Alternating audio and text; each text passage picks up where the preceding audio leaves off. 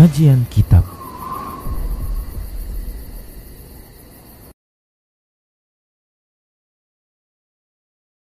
Bismillah, Assalamualaikum warahmatullahi wabarakatuh. Innal hamdalillah nahmaduhu wa nasta'inuhu wa nastaghfiruh wa na'udzu billahi min shururi anfusina wa min sayyiati a'malina. Man yahdihillah fala mudhillalah wa man yudlilhu fala hadiyalah واشهد ان لا اله الا الله وحده لا شريك له واشهد ان محمدا عبده ورسوله صلى الله عليه وسلم قال الله تبارك وتعالى يا ايها الذين امنوا اتقوا الله حق تقاته ولا تموتن الا وانتم مسلمون يا ايها الناس اتقوا ربكم الذي خلقكم من نفس واحده وخلق منها زوجها وبث منهما رجالا كثيرا ونساء. واتقوا الله الذي تساءلون به والأرحام. إن الله كان عليكم رقيبا. يا أيها الذين آمنوا اتقوا الله وقولوا قولا سديدا. يصلح لكم أعمالكم ويغفر لكم ذنوبكم. ومن يطع الله ورسوله فقد فاز فوزا عظيما أما بعد فإن أصدق الحديث كتاب الله وخير الهدى هدى رسول الله صلى الله عليه وسلم وشر الأمور محدثاتها وكل محدثة بدعة وكل بدعة ضلالة وكل ضلالة في النار الحمد لله kita bersyukur kepada Allah Subhanahu wa taala yang masih memberikan berbagai kenikmatan kepada kita. Selawat dan salam tak lupa kita ucapkan untuk Nabi kita tercinta Nabi Muhammad sallallahu alaihi wasallam. Semoga Allah Subhanahu wa taala mewafatkan kita di atas ketaatan kepada Rasulnya. Amin ya rabbal alamin. Para pemirsa Rosyad TV dan para pendengar radio, radio Medan Mengaji di mana saja Anda berada, rahimani wa rahmakumullah. Kita masih membahas tentang hal-hal yang bisa mengurangi keimanan, keislaman dan tauhid seorang hamba dan di antara hal yang bisa mengurangi keimanan dan tauhid seorang hamba adalah perkara baru di dalam agama yang disebut dengan kebid'ahan. Al-bid'ah, bid'ah. Sedikit kita kembali mengulang barangkali eh, ada di antara kaum muslimin yang baru saja bergabung untuk melihat uh, kajian ya atau media uh, Rosyad TV ini lalu baru mengetahui tentang uh, apa yang kita sampaikan. Maka ada baiknya saya senantiasa untuk mengulangi perkara yang penting ini agar tidak keliru dipahami oleh kaum muslimin. Bid'ah secara bahasa dan ini bukanlah bid'ah yang diinginkan secara syar'i. Bukanlah bid'ah yang dipahami atau yang diungkapkan oleh Nabi Shallallahu Alaihi Wasallam dengan ungkapan beliau wa kulla bid'atin dolalah dan setiap bid'ah adalah kesesatan.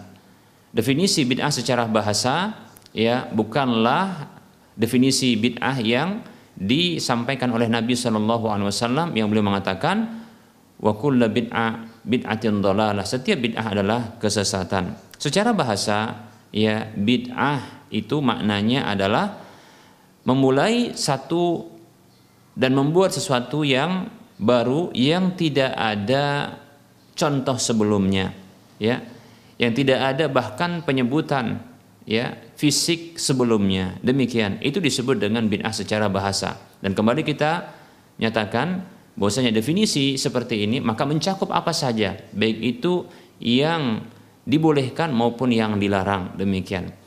Nah adapun bid'ah yang dimaksudkan oleh Nabi Shallallahu Alaihi Wasallam bid'ah yang tercela tentunya ya bid'ah yang dia adalah sesuatu yang terlarang yang kata Nabi Shallallahu Alaihi Wasallam wa kulla bid'atin dan setiap kebid'ahan itu adalah sesat ya.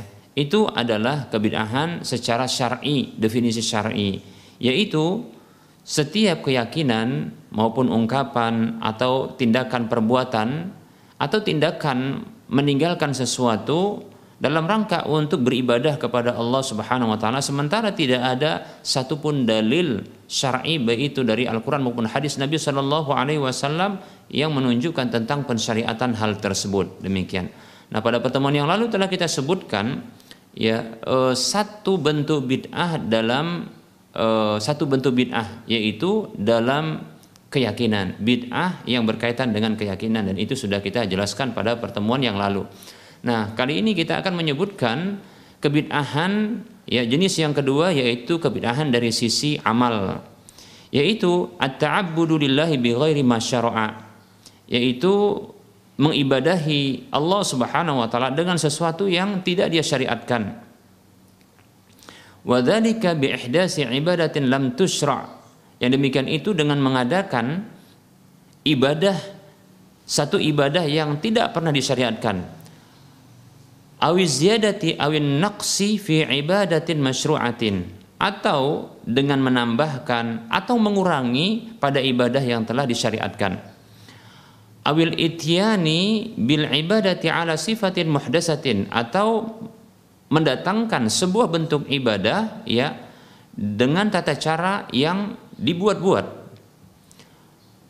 Awil mudhafata awil muwadhafati ala ibadatin masyru'atin fi waqtin muayyanatin atau dengan memberlakukan secara terus-menerus untuk sebuah ibadah yang disyariatkan padahal dilakukan ya ibadah itu mestinya di satu waktu saja.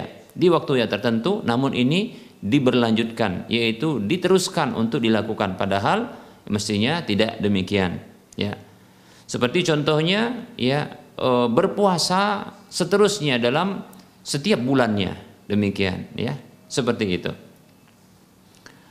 Padahal tidak ada dalil yang menunjukkan dalil syar'i baik itu dari Al-Qur'an maupun hadis Nabi Shallallahu alaihi wasallam yang menunjukkan tentang pensyariatan hal tersebut di waktu itu. Demikian ya.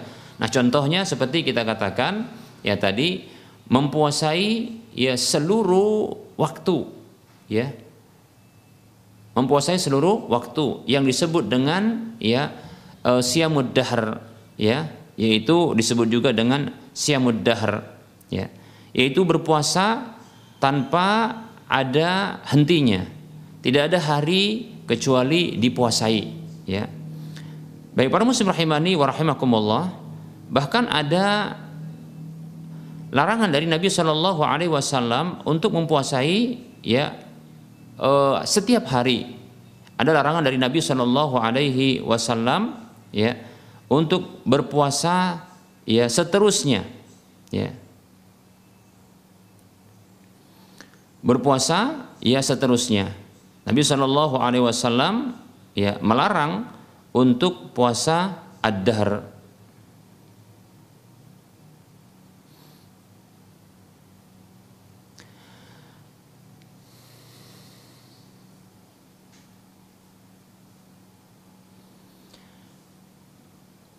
Baik para muslim rahimani wa rahimakumullah.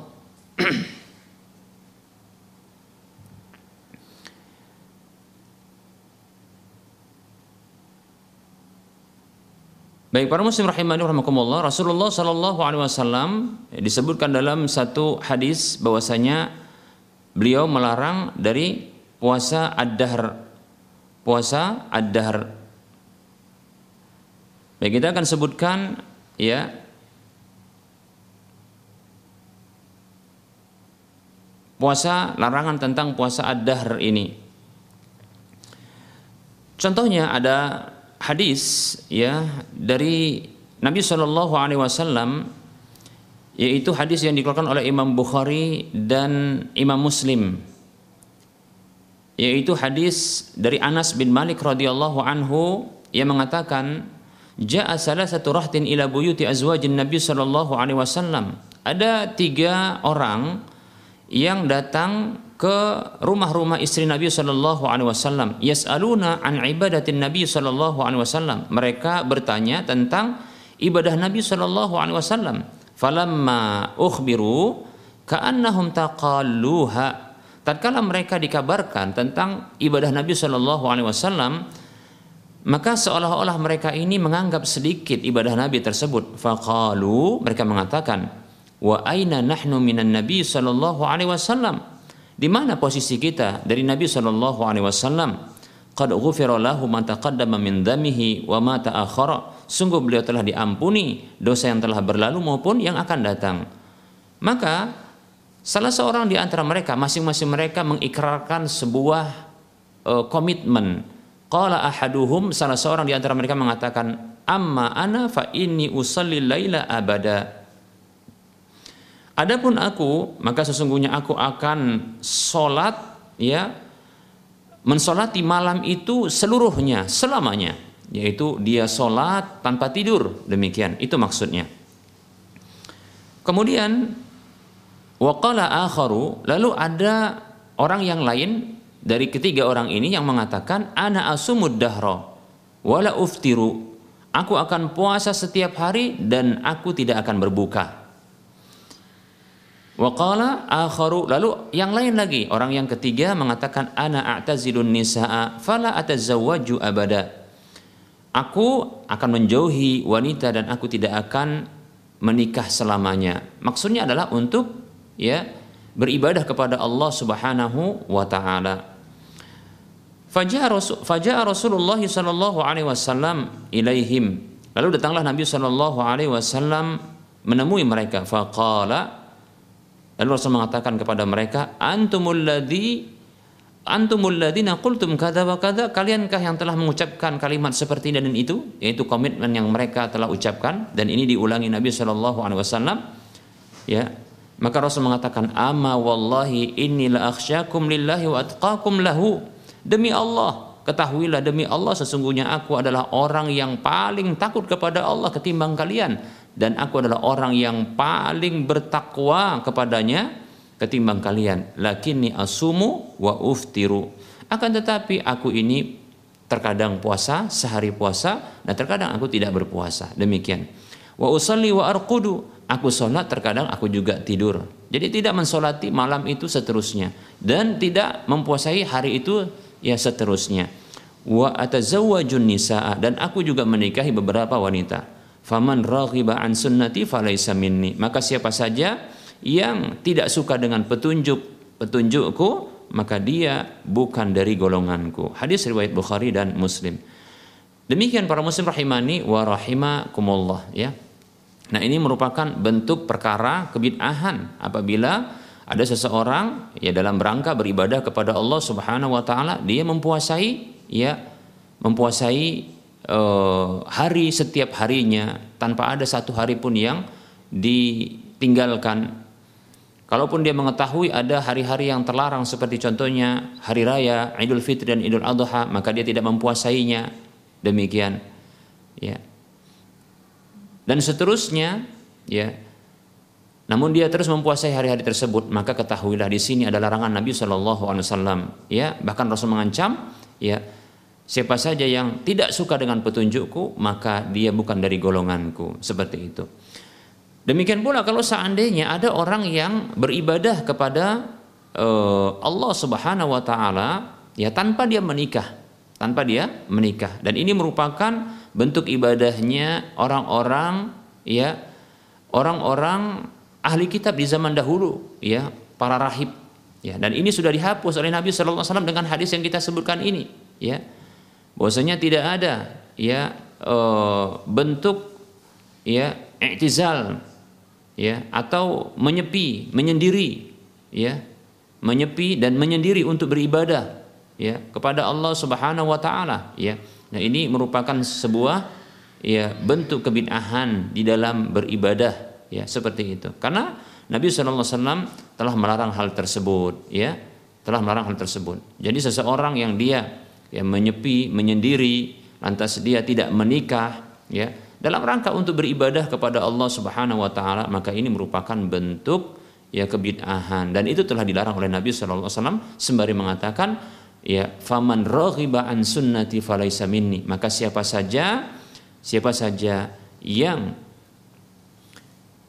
membenci tak suka dengan petunjukku sunnah jalan hidupku dalam beragama ini maka dia bukan dari golonganku begitu juga ya orang yang dia sholat malam. Dia sholat malam ya. Padahal ya sholat malam itu yang terbaik adalah sholatnya Nabi Daud ya. Beliau itu ya uh, tidur terlebih dahulu kemudian nanti ya bangun ya.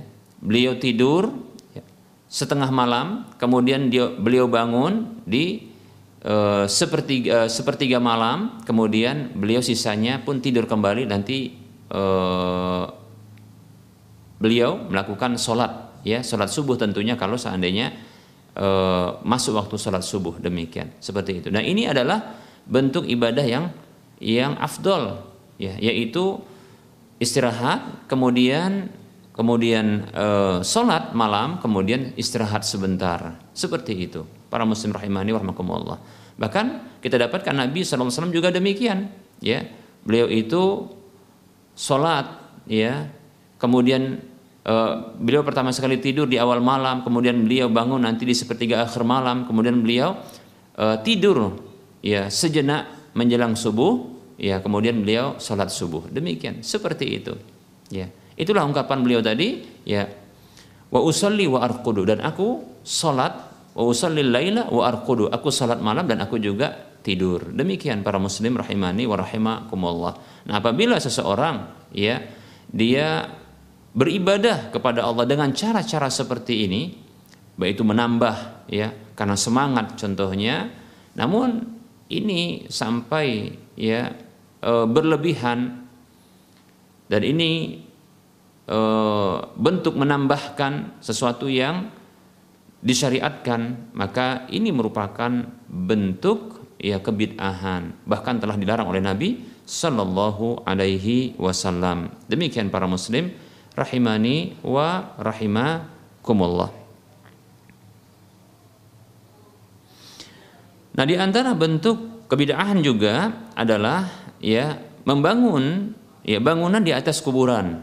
Ya, bahkan ini telah telah kita sebutkan dalam hadis yang uh, terdahulu ketika kita membahas sarana sarana-sarana yang bisa menghantarkan kepada kesyirikan di antaranya adalah membangun bangunan. Bahkan ini merupakan kebiasaan dari orang-orang uh, ahlul kitab ya yaitu Yahudi dan Nasrani yang mereka ini menggabungkan ya kuburan itu dengan masjid seperti itu. Rasulullah Shallallahu alaihi wasallam bersabda, ya la'anallahu al-yahuda wan nasara ittakhadhu qubur anbiya'ihim masajida.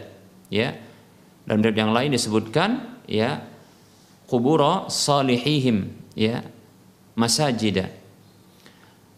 Allah Subhanahu wa taala kata Nabi sallallahu alaihi wasallam telah mengutuk ya mengutuk orang-orang Yahudi dan Nasrani mereka menjadikan kuburan-kuburan ya para nabi mereka atau dalam yang lain tambahan ya menjadikan kuburan-kuburan orang-orang soleh mereka itu sebagai masjid demikian nah ini ya yaitu membuat bangunan berupa masjid ya di atas kuburan menyatukan masjid dengan kuburan demikian. Bila ini dianggap bentuk mendekatkan diri kepada Allah, beribadah kepada Allah, ketahui ini merupakan bentuk kebid'ahan. Ya, seperti itu. Bahkan Rasulullah SAW mengatakan, ya, uh, wa inni wa inni anhakum anzalika dan sesungguhnya aku yang melarang kalian dari hal tersebut. Demikian para muslim rahimani wa rahimakumullah.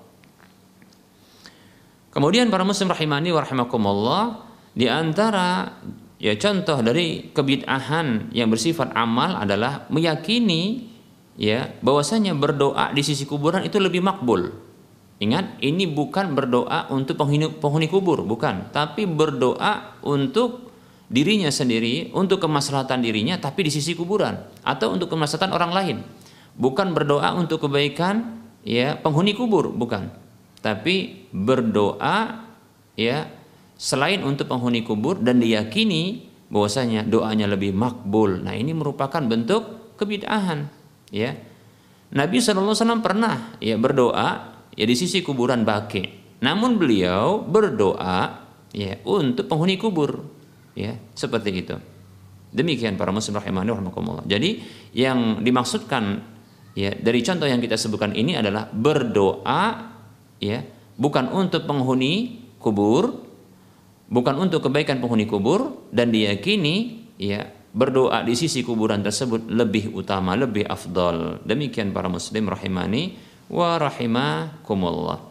Begitu juga perkara termasuk yang eh, termasuk perkara baru dalam urusan agama ini yaitu mengadakan ya mengadakan eh, peringatan-peringatan ya sifat, eh, bersifat acara-acara yang selalu berulang ya yang dibuat itu di sisi kuburan ya yang itu dianggap sebagai bentuk ibadah kepada Allah Subhanahu wa taala. Nah, ini tentunya bila itu diyakini sebagai bentuk ibadah kepada Allah sementara tidak ada petunjuk Nabi Shallallahu alaihi wasallam maka ini termasuk perkara baru dalam agama bahkan ya Nabi Shallallahu alaihi wasallam berdoa kepada Allah Subhanahu wa taala agar kuburan beliau jangan dijadikan oleh Allah Subhanahu wa taala sebagai sesuatu yang ya sebagai sesuatu yang dijadikan untuk dikunjungi ya.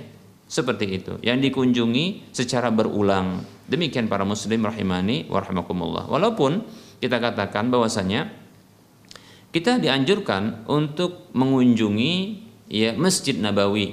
Karena di dianjurkan oleh Nabi Shallallahu Alaihi Wasallam ya untuk uh, sholat di dalamnya karena pahalanya itu seribu kali ya lipatnya ketimbang sholat di masjid-masjid yang lain kecuali Masjidil Haram atau Masjidil Aqsa demikian.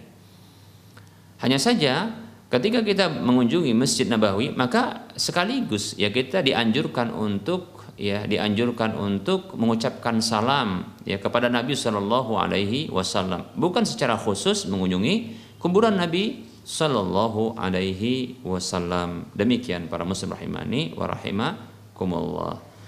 Baik, nah ini uh, materi yang bisa kita sampaikan, kita berikan waktu ya untuk sesi soal jawab karena sangat banyak ini uh, pertanyaan telah masuk.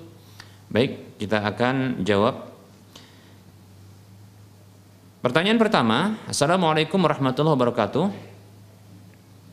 Saya ingin bertanya Ustaz, saya memiliki keponakan perempuan yang baru berumur satu bulan. Ya, terkadang ketika saya menggendongnya, saya terkena kotoran dari e, eh, BAB-nya. Ya, kemudian e, bagaimana cara membersihkan najis dari kotoran bayi tersebut? Apakah cukup dicuci di bagian yang terkena kotoran saja? Jazakallahu khaira. Waalaikumsalam warahmatullahi wabarakatuh. Wa anta fajazakallahu khaira atau wa anti fajazakillahu khaira. Baik ya, eh, perlu kita ketahui bahwasanya kotoran feses, kotoran feses manusia, maka sepakat para ulama kotoran feses manusia yang disebut dengan BAB, ya atau kita katakanlah mungkin eh, tinja, ya dari manusia itu, baik itu yang besar maupun yang kecil, ya bayi maupun orang dewasa, maka ini disepakati oleh para ulama bahwasanya itu najis, ya najis demikian. Seperti itu. Adapun e, air seninya atau kita sebut dengan air kencingnya, maka di sini dibedakan ya, dibedakan antara bayi laki-laki dengan bayi perempuan. Ya. Dalam sebuah hadis Nabi Shallallahu alaihi wasallam ya hadis yang dikeluarkan oleh Imam Abu Daud, Nasai dan yang lainnya disahkan oleh Syekh Al Albani rahimahullahu taala, Rasulullah Shallallahu alaihi wasallam bersabda, "Yughsalul yughsalu min baulil jariyati wa yurashu min baulil ghulami. Kata Nabi SAW, dicuci ya dari air seni bayi perempuan dan diciprati ya, diciprati ya dengan air tentunya dari air seni bayi laki-laki demikian seperti itu. Nah tentunya bayi-bayi ini adalah bayi yang dia e, masih menyusu ya masih menyusu asi uh, dari ibunya demikian. Baik para muslim rahimani rahimakumullah ini hadis yang sahih. Jadi kita simpulkan bahwasanya jadi kita simpulkan bahwa ya feses bayi maupun orang dewasa maka itu najis ya. Demikian pula air seni ya.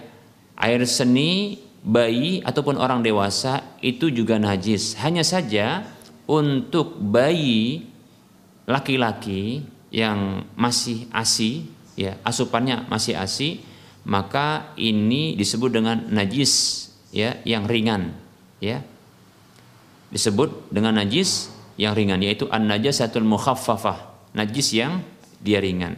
Cara mensucikannya adalah dengan diciprati sudah cukup pada bagian yang terkena najis tersebut. Demikian. Adapun najis uh, adapun air seni bayi perempuan maka ini dihukumi sama seperti ya air seni orang dewasa yaitu dengan cara dicuci.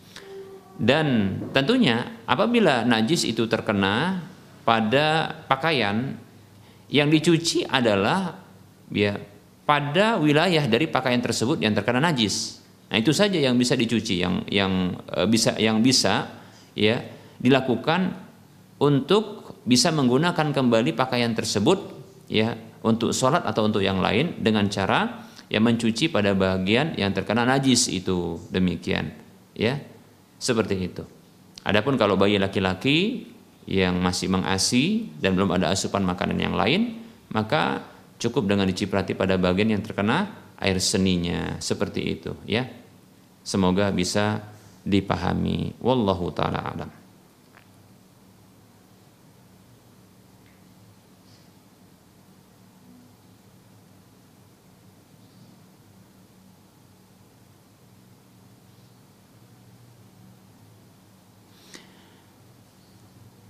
Baik, ada pertanyaan? Assalamualaikum Ustaz. Apakah saudara-saudara tiri ayah? Saudara-saudara tiri ayah. Saudara-saudara tiri ayah saya yang perempuan itu mahram bagi saya Ustaz. Kasusnya begini, ayah saya punya ibu nenek ya nenek saya yang menikah dua kali. Nah saat menikah yang kedua kali suami dari nenek saya itu dulu lajang bukan duda. Dari pernikahan mereka muncullah lima anak. Muncullah lima anak. Dua laki-laki, tiga perempuan. Nah, yang perempuan ini apakah mahram bagi saya? Ya, apakah yang perempuan ini mahram bagi saya? Jadi yang pertanyaan ini adalah laki-laki ya. Jadi ayah saya adalah anak dari nenek saya, ya, dari suami yang pertama. Sementara yang lima tadi dari suami yang kedua. Mohon jawabannya Ustaz.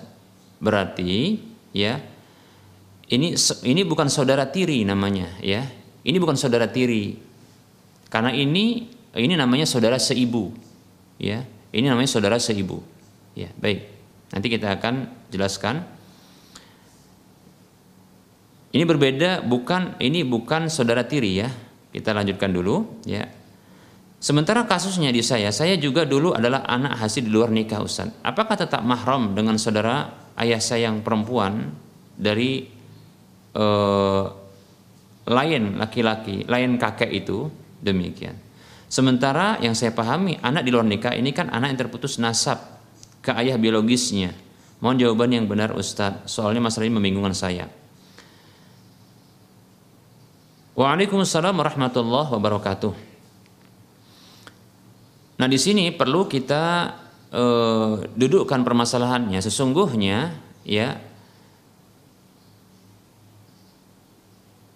saudara-saudara yang lahir dari ibu maupun e, dari ibu namun lain bapak maka ini bukanlah saudara tiri tapi disebut dengan saudara se seibu ya.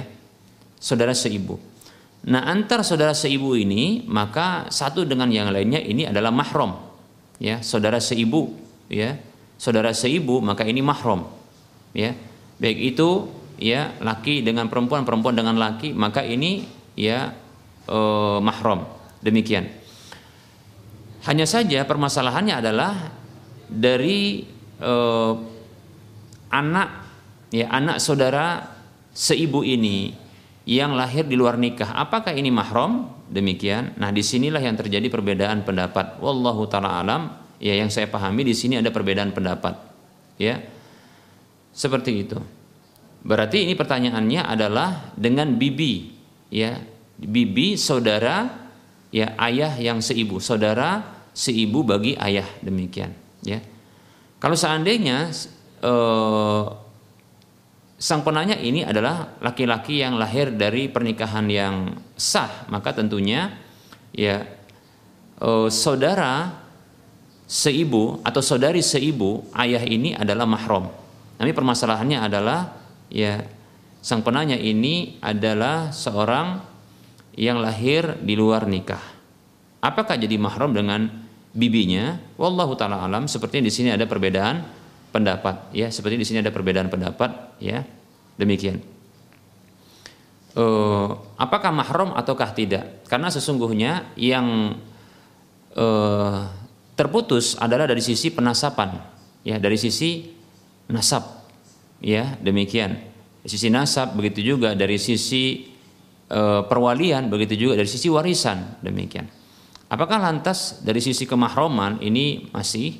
Karena para ulama mereka berbeda pendapat ya. Apakah uh, ayah biologis ini boleh menikahi ya uh, putri biologisnya? Demikian. Nah, di sini terjadi perbedaan pendapat di kalangan para ulama, setahu saya demikian.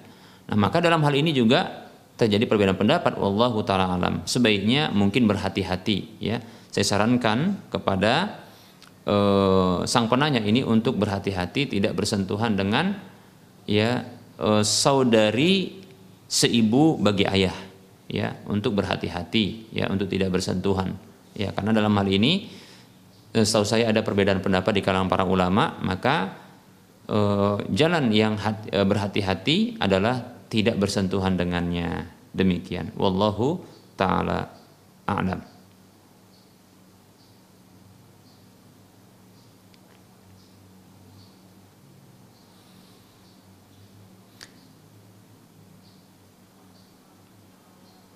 Baik, ada pertanyaan berikutnya. Assalamualaikum warahmatullahi wabarakatuh. Ustaz, saya mau bertanya, bagaimana hukumnya jika kita diberi amanah oleh si A untuk menyampaikan amanah berupa uang kepada si B? Setelah kita sampaikan amanah kepada si B, si B memberikan upah ya kepada kita. Bolehkah kita menerima uang atau upah tersebut dari si B? Waalaikumsalam warahmatullahi wabarakatuh. Saya condong hal ini merupakan kebaikan yang dibalas dengan kebaikan. Ya, saya condong kasus yang ditanyakan ini adalah kasus ya eh, kasus yaitu kebaikan yang dibalas dengan kebaikan. Maka ini tidak mengapa, ya, tidak mengapa. Kecuali kalau seandainya memang ya eh, sang penanya ini, sang penanya ini adalah orang yang digaji oleh si A dan tugasnya memang menyampaikan ya uang tersebut. Ya, tugasnya memang menyampaikan uang tersebut kepada si B. Itu tugas ya dari eh, sang penanya yang ditugaskan oleh si A. Ya. Kalau memang ini tugasnya, maka tidak boleh untuk menerima hadiah apa pun karena e, tugas yang telah diberikan gaji padanya maka tidak boleh ya menerima hadiah apa pun seperti itu dari pihak lain seperti itu namun e, secara zahir dari pertanyaan ini sepertinya ya amanah yang diberikan oleh si A kepada sang penanya ini ini adalah ya e, hal yang lain yang tidak ada hubungannya dengan dengan tugas kerja yang di sana ada gaji ya kompensasi gaji demikian jika memang tidak ada, maka saya condong ini merupakan bentuk kebaikan yang dibalas dengan kebaikan, ya. Seperti itu. Para muslim rahimani wa rahimakumullah. Dan Nabi Shallallahu Alaihi Wasallam bila beliau ya diberi kebaikan, ya maka beliau membalas kebaikan tersebut. Ya, Nabi Shallallahu Alaihi Wasallam dikabarkan dalam satu hadis bahwasanya Beliau itu apabila beliau diberi kebaikan maka beliau membalas kebaikan tersebut. Demikian ya. Begitu juga Allah Subhanahu wa taala berfirman, ya a'udzu billahi minasyaitonir rajim wa idza hayyitum bi tahiyatin fahayyu bi ahsana minha aw rudduha. Apabila kalian diberi penghormatan dengan sebuah penghormatan, maka balaslah penghormatan itu dengan yang lebih baik atau yang semisalnya. Demikian. Ya, jadi insya Allah tidak masalah kalau mau diterima dan lebih baik ya untuk menjaga keikhlasan ya tentunya tidak diterima itu barangkali lebih baik seperti itu. Namun kalau diterima maka tidaklah masalah, tidaklah masalah yaitu tidak menodai insya Allah taala ya kebaikan yang sudah tadinya diikhlaskan. Memang diniatkan untuk ikhlas ya membantu saudara saudara sesama demikian. Wallahu taala a'lam.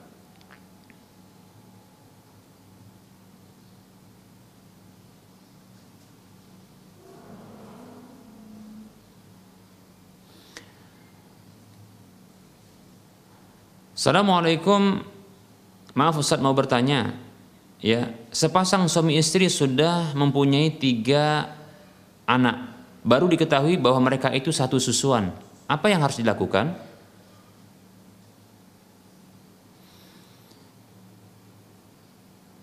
Waalaikumsalam warahmatullahi wabarakatuh.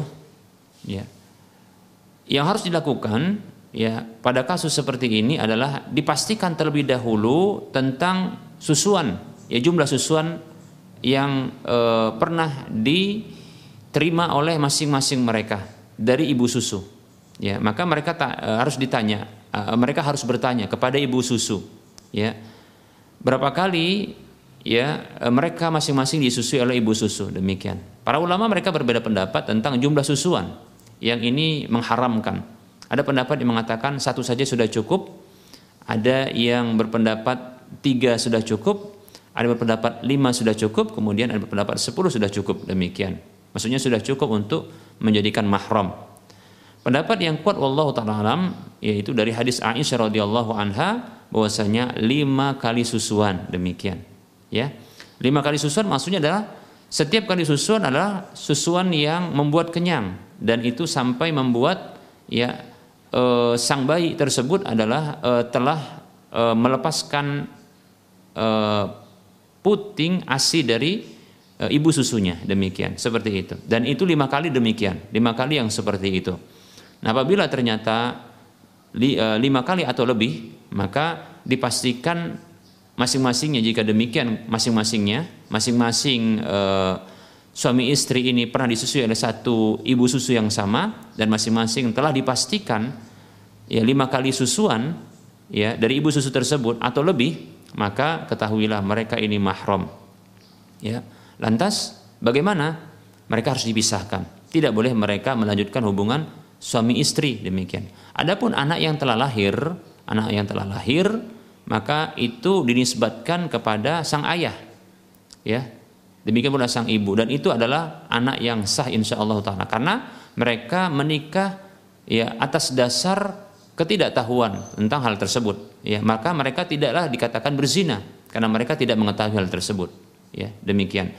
Bahkan ini bahkan ini pernah terjadi di zaman Nabi Shallallahu Alaihi Wasallam tatkala ya ada ya oh, dua orang yang mereka ini adalah sepasang suami istri yang sang suami ini melaporkan kepada Rasulullah SAW bahwasanya ada satu orang perempuan yang datang kepada mereka mengkabarkan bahwa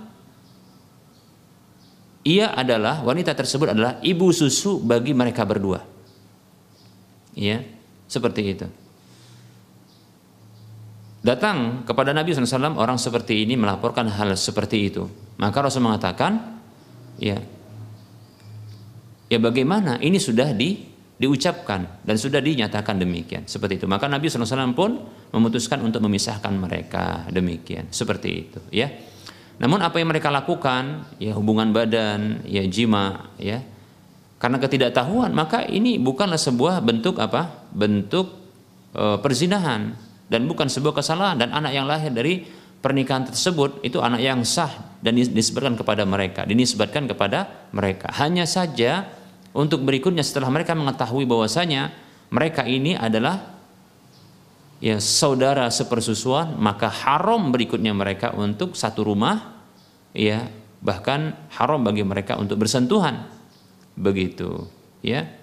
Dan jangan sampai mereka melakukan perzinahan ya. Bahkan ini merupakan bentuk ya perzinahan. Kalau seandainya mereka berhubungan badan ini bentuk bentuk perzinahan ya. Eh, semahrom dan ini dosanya lebih besar. Ya ini dosanya lebih besar. Wallahu taala ya. Maka sebaiknya mereka bukan sebaiknya memang wajib bagi mereka untuk berpisah. Demikian ya. Wallahu taala a'lam. Tapi pastikan dulu ya tentang jumlah susuan uh, kepada masing-masing mereka dari ibu susu tersebut. Wallahu a'lam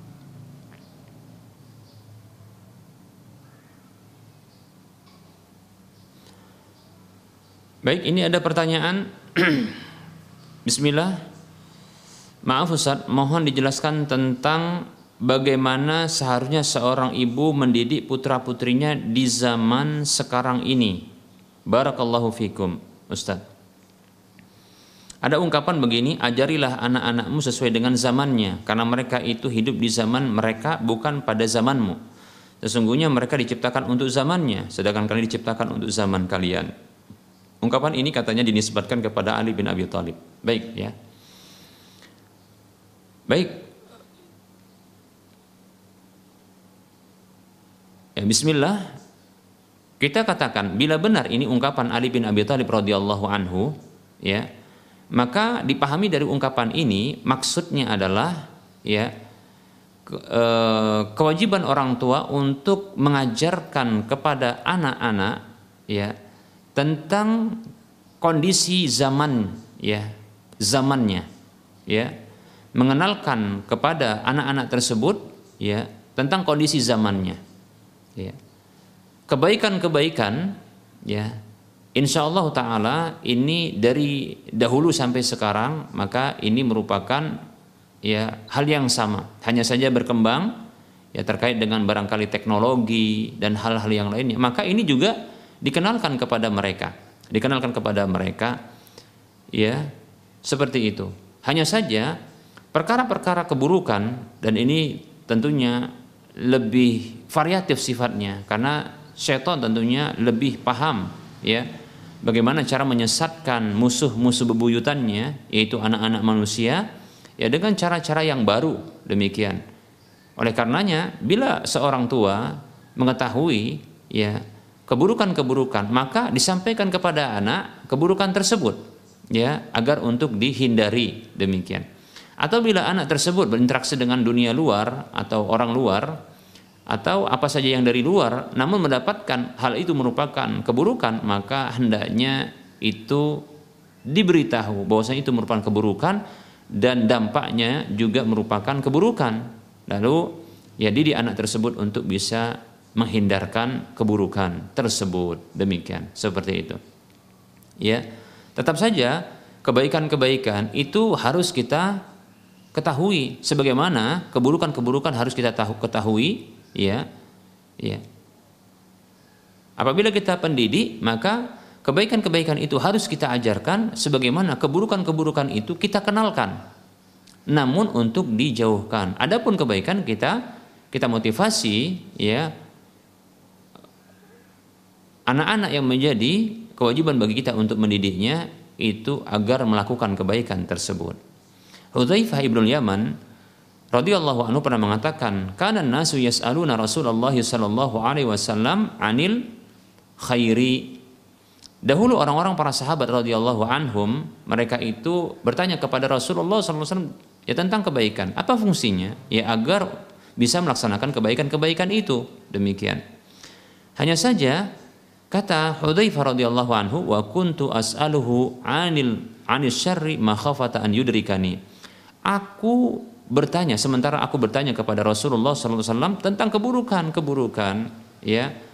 Aku khawatirkan keburukan itu menimpaku. Jadi ya e, tidak akan sempurna sebuah kebaikan kecuali dikenali juga keburukan lawannya. Kebaikan dikenali dan dipelajari untuk dikerjakan ya dan dilakukan ya sementara keburukan-keburukan ya dikenali dipelajari adalah untuk dihindarkan, untuk dijauhkan. Demikian seperti itu, ya. Demikian kata para ulama, wa bididdiha tatabayyanul asya. Dengan lawannya maka akan menjelas akan semakin jelaslah segala sesuatu itu. Demikian ya. Kebaikan akan semakin jelas ketika dikenali keburukan-keburukan yang menjadi lawannya sehingga itu mudah untuk bisa ditinggalkan. Tentunya dengan petunjuk uh, dengan memohon bantuan dari Allah Subhanahu wa taala. Wallahu taala a'lam. Wa fik barakallah.